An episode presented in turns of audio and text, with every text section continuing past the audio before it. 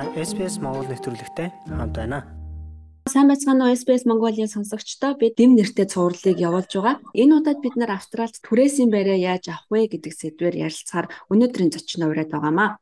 Би сэтгүүлч ундраа Мельбурн хотоос харин манай өнөөдрийн зочин Сидней хотоос лам гişиг бидэнтэй холбогдоод байгаа. За лам гişиг маань Сидней хотод амьдардаг монголчууд таньж магадгүй юм. Тэрээр Stratefield Partners гэдэг үйл хөдлөх хөрөнгийн салбарт борлуулалтын мэрэгжилтийг хийдэг.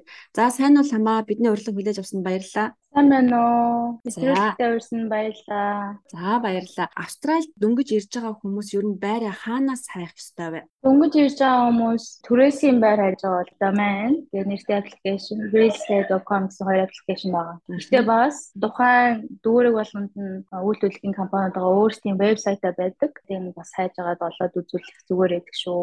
Доmain дээр байгаа, domain дээр байхгүй вебсайтууд дээр байдаг. Бас өөрийн таньж мэддэг real estate борлуулагч хүмүүс байгаа ш тийм ээ тэр хүнээс сууж агаад ийм байр хаж юм олоод өгөөж property manager таньдаг бол тиймээс асууж өгөөд олж болно. Олон заруу байгаа. Ингээд энэ хоёр сайтуудаараа ороод үзэхээр нэлээд олон байрны зарууд байдаг те. Тэгэхээр зарыг бид нар ер нь яаж өөртөө хэрэгтэйгээр шүүж харж болох вэ? Тийм тэр хэрвээ аппликейшн ороод үзвэл 7 оны 500-аар төрөлбөл 500-ыг бичээд тэгээд сургуультайгаа ойрхон байр хайж байгаа бол сургуулийн дүүргийг бичээд ойролцох байрнууд нь гараад ирнэ. За тэгээд хэдэн өрөө байр хайж байгаа вэ?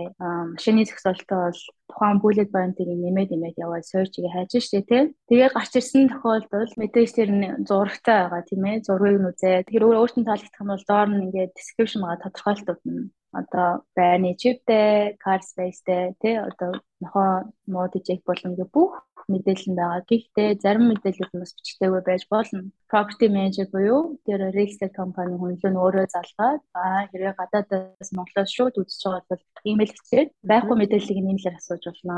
Аа сая Монголоос шууд үзэж байгаа гэж хэлээ. Ер нь Монголоос бас наашаа ирэхээс өмнө байраа хайгаад өсөлтөө гаргаж болдгоо. Болно болно. Тэгэхээр хэрвээ байр нөөцөнд таалагдсан бол шаард гэдэг бүх материалыг нь аваад Монголоос ч санхугаа болчуулна заавал энэ санхугаа болох албагүйгээр тэр нь юу багтахгүй гэхээр өөрийнх нь ID одоо манайхаар энэүүлэх паспорт тэгээд 7 оны байрны түрээсээ төлөх чадамжтайгүй санхуг нь Монголоос харуулчихна. Тэгээд deposit буюу одоо мөнгө байршуулна. Эхний 7 хоног эсвэл эхний 2 7 хоног. Тэгээд бондо төлчихнэ.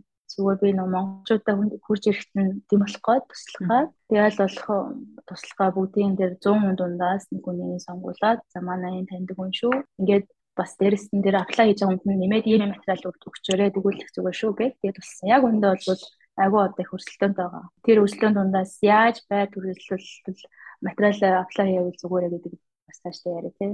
Харин тийм энэ яг маш чухал сэдв байгаа шүү. Хоёул энэ рүү орохоос өмнө эхлээд хүүхдтэй айлууд байр хайхтаа юун дээр анхаарах хэрэгтэй вэ гэдэг асуултыг би онцолж асуумаар байна. Тийм хүүхдтэй хүмүүс байр хайхтаа за жишээ нь зүгээр нэг айл хоёр хүүхдтэй байлаа гэж үтэй тий. Нэг өрөө бедрумд орох жоохон хэцүү. Тэр үний дээр омнор нь жишүүшүүж жоохон хэцүү. За хос маань хоёр хүүхдтэй хоёр өрөө бедрум авал зүгээр ямар ч асуудал байхгүй. Гэхдээ тэр мэдээж та өөрөө байраа төрөлжлүүлэхдээ тийж бодсон тийм одоо хоёр хүүхэдтэй хүн төрүүлжлээснээс нэг хост зүгээр хостел штэ гэдэг юм тий. А миний зүгээс зөвлөх зүйл бол хоёр хүүхэдтэй хост байгаа байр төрөлхөөр хайж байгаа бол нэг бедрум биш хоёр бедрумд аплай хийгээд тэр олон хүн дундаас яаж гарч ирэх вэ гэхээр хамгийн дол нь 6 сараар гэрээд гэхгүй юу рентнийхийг тэгээ тэрийг би 1 жил эсвэл 2 жилээр хийчих юм бол онор нь айгуу дуртай хүлээж авна. Тэгээ 500-аар байр төрөлхөлгээ тавьсан байгаа бол 510-аар өгөөд тэгээд жохон long term арай удаанаар гэрээ удаан хугацааны гар гэрээ ч юм бол авна. Тэснээс хүүхдүүл ямар ч асуудал байхгүй. Энэ тийм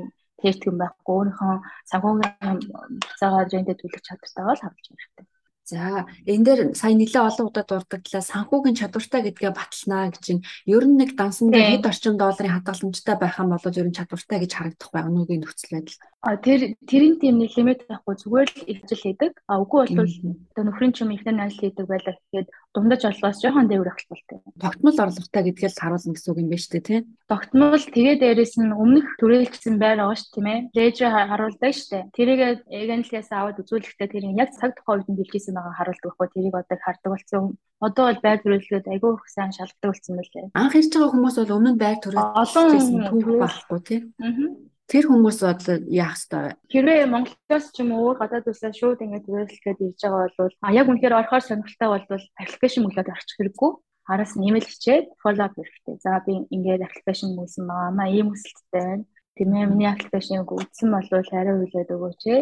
Өөр ямар шалтай материал байна вэ гэх. Энэ зөвхөн имэйлээр хацдаг. Фон уцаарынхаас илүүтэй аюу формал имэйл болсон байх хэрэгтэй. Тэр тэр олон хүн дундаас мэд өсөлттэй байгаагаа, эрмэлзэлтэй байгаагаа харуулах хэрэгтэй. Аа тэнгууд мэдээж нэг real estate property manager шүү дээ. Тэр ганцхан шиг property manager олон хүнд inspection үзүүлчихэд нэг л хүн л төлөвлөлөө шүү дээ.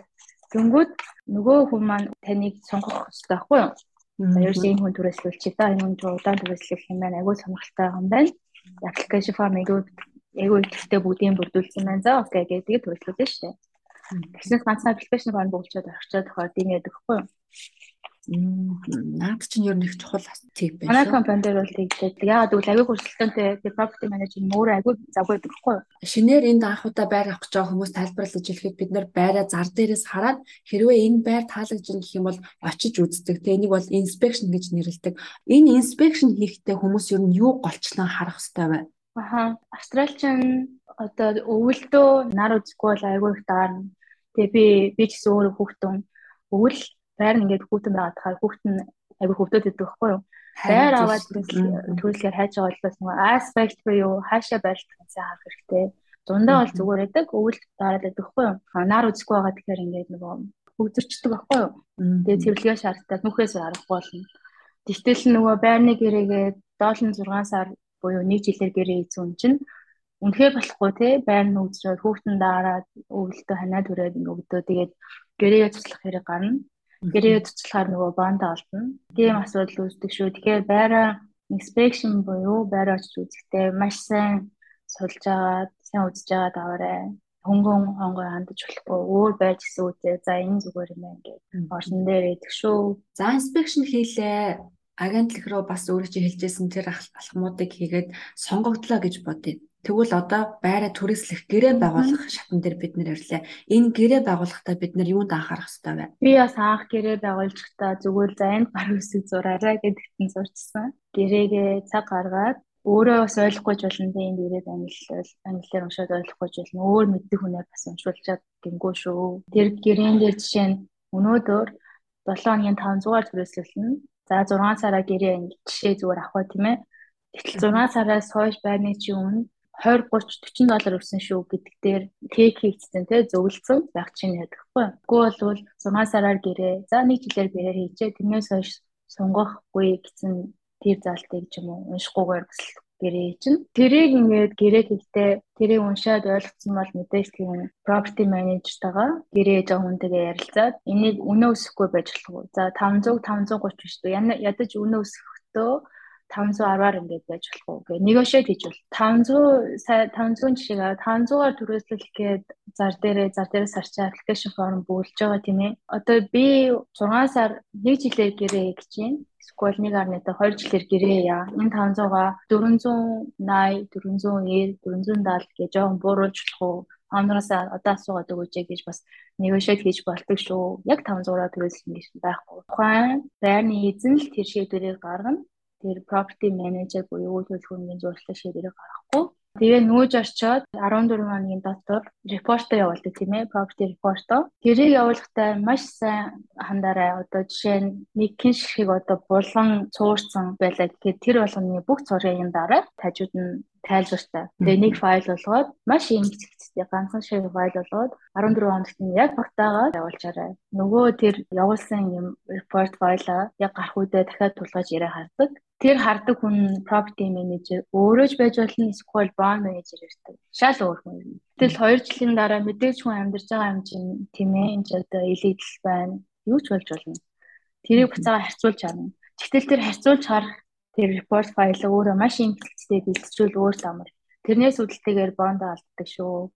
Би тэр ямар сайн анхаараарай гэж хэлмээр байна. За хоёлаа бондын тухай нэгэнд ярьж эхэлсэн юм чинь юундаар аль дээр гаргасан болоод бид нэр бондоо авах боломжгүй болдог вэ? Яаж бүтэнгнээр нь авдаг вэ? Саяны миний сая дурдсан report дээр ямар сайн ажиллаар өөртөө цаг гаргаад одоо жишээ нь ширээний нэг үнцэг цуурсан байлаа. Тэгээд энийг янзалж үг гэдэг юу? Яг өмнө орсон шиг буцаага янзалж үг. Тэгэхээр яналтын зардал эсвэл нэг хаана ингээ крак үүссэн гэдэг штэ. Эсвэл нэг жоохон хурцсан цагаан бодг нь хурцсан энийг чи өөрөө янзал үгүй бол өөрөө авшаад янзлуулъя. Энэ ийм үнэтэй болох юм байна. За 70 доллар. Ийм жоох юм нийлээ нийлээ 70 70 нийлсээр байгаа. Одоо мэдхгүй 1000 доллар ч гэх юм уу. Тэр зар бүх янзлах зарлалын бүх мөнгийг нь бонус нь хасчдаг учраас миний саяны дурсан тэр репорт дээрээ дараа өөрөө харахад айгүй юм хэцтэй. Одоо яг өндөл бон менежерээ бүгдийг шалгахгүй буцаагаад айгүй биелгээ хэрүүлэхэд бэлтнэ л гэсэн. Тэр хэрүүлэг гэхдээ хизээж амаараа хийхгүй. Имэйлийг маш юм хэцэгчтэй, маш ийлгээр буцаагаад нотлох баримттай зурагтай э, тайлбарлсан байгаа шүү дээ тий. Тэнтэйг үзүүлээд бичгээр ингээд зөв боловсон хэлцээж гэсэн. Тэгсэн факт бол бонд алдахгүй шүү. Зарим тохиолдолд зарим компаниуд бонд боноос айгүй хасгаад ингээд бүр дайраад байдаг. Тэгэхээр бас нэг харилцааны чадвар энэ дээр өгүүлэгдээд байна шүү дээ тий. Тий. Гэтэ харилцааны чадрыг имэйлээр айгүй сайн боловсон хэлдэг шүү. За ингээд бид нэ байраа авчлаа. Ерөнхийдөө бас байр маань таалагдж байна. Үргэлжлүүлээд энд амьдрья гэсэн үед түрээсийн хугацаагаа сунгах боломж байдгүй. Түрээсийн хугацаагаа сунгах боломжтой. Ихэнх тохиолдолд байрны эзлүүд их нааштай ханддаг штэ. Ямар тохиол нааштай хандахгүй вэ гэхээр тухайн түрээлсэх явцад дунд нь ингээд рутин инспекшн хийдэг хгүй юу? Одоо жишээ нэг жилээр түрээлсэн байлгаар ингээд 6 дахь сартаа хурж ирээд байгаа. Хөнгөн хөнгөн инспекшн хийлдэ нэг тийм айх хэрэггүй. Хөрөний зургийг дараад тэр авсан зургаа байрны эзэнд үзүүлдэг. За тэнгүүд нөгөө тухайн байрны эзэн за айгуу сайн цэвэрхэн төлөвлөж байгаа юм байна. Гэт үзчихнэ. Тэнгүүд байрны хугацаанд дараа дахиад 6 сарын дараа дуслаа гэж бодоход хүсэлт гаргана. Тэр хүсэлтийг дахиад сунгахтаа 6 сараар хийнэ. А гэхдээ ongoing байж болдог. Дуусны дараагаар keep түрээлсээр гэж болдог. Дууснаас хойш түрээлсээр явж болно. Гэтэл зарим тохиолдолд нөгөө гэрээгээ шалгаагүй үүднээс нэг жилийн гэрээний хугацаа дуусны дараагаар 7 хоногийн түрээсийн мөнгө чинь 20 доллар өгсөн шүү гэдгийг нэг уншаагүй гэрээ хийсэн маш тий. Нэг л өдөр имэйл ирчихв. Юу гэхээр за түрээснээс хойш 3 сар өнгөрсөн байна. 7 оны 20 доллар өссөн. Одоо тэгээд үлдээл мөнгө нь ийм гарсан байна. Та ингээд зөрүү мөнгөний бидэл рүү энэ тас руу шилжүүлээд өгөөрэй гэж хэлчихсэн. Тэгэхээр нэгэнд гэрээ байгуулсан юм би чинь ямар ч маргах боломж байхгүй тий. Бага тухайн компани бас өөрсдөө тэр property management ажлаа бас муу байдаг гэж болно. Reminder email явуулах хэрэгтэй. Тэр тохиолдолд маш сайн имэйл хийх хэрэгтэй. За бидэрт ингэ сануулаагүй. За мэдгүй гэрээ ээж бас ингэж надад тайлбарж өгөөгүй. Тэгээд бас дугаа явах хэрэггүй имэйл бичих хэрэгтэй шүү. Энд чинь хоёр талын буруу ганцхан түрээлэгчийн буруу биш шүү. Миний зүгээс түрээлэгч нь өөрөө маш хариуцлагатай хандах хэрэгтэй. Гэхдээ бас ингээд бооны мөнгө асуулаад зөрөө мөнгө ингээд төлөлтөд нь тагчиг шүү дуугаа төлөөд авах хэрэггүй. Айгу боловсон ярилт гэдэг байгаа шүү дээ. За ерөнхийдөө анх ирж байгаа хүмүүстээ яаж зараа хайх уу, яаж инспекшн хийх үү, гэрээ байгуулахдаа юун дээр анхаарах уу, бас бондо яаж эргүүлж авах уу гэх мэтчлэн тодорхой алхмууд дээр маш тодорхой зөвлөгөөнүүд өгч чадлаа гэж бодож байна. Цаг зав гаргаж манай ярилцлаганд оролцсонд маш их баярлалаа ламаа. За баярлалаа. Намайг үрж оролцуулсан баярлалаа. Олон хүнд хэрэгтэй мэдээлэлсэн гэж найдаж байна. Цаашдаа ажилд амжилт хүсье. Баярлалаа. За баярлалаа. Apple Podcast дээр манай нэвтрүүлэгт үнэлгээ өгнө үү? Энэ манай нэвтрүүлгийг хайж олоход бусдад бас туслах юм.